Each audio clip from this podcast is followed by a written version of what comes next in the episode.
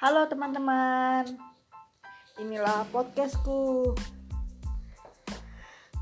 Aku akan posting uh, beberapa cerita tentang apa yang Tuhan buat tentang apa yang Tuhan kerjakan di dalam kehidupanku dari sekarang ini sampai seterusnya.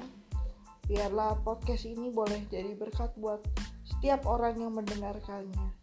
Aku Selin, akulah teman cerita kalian.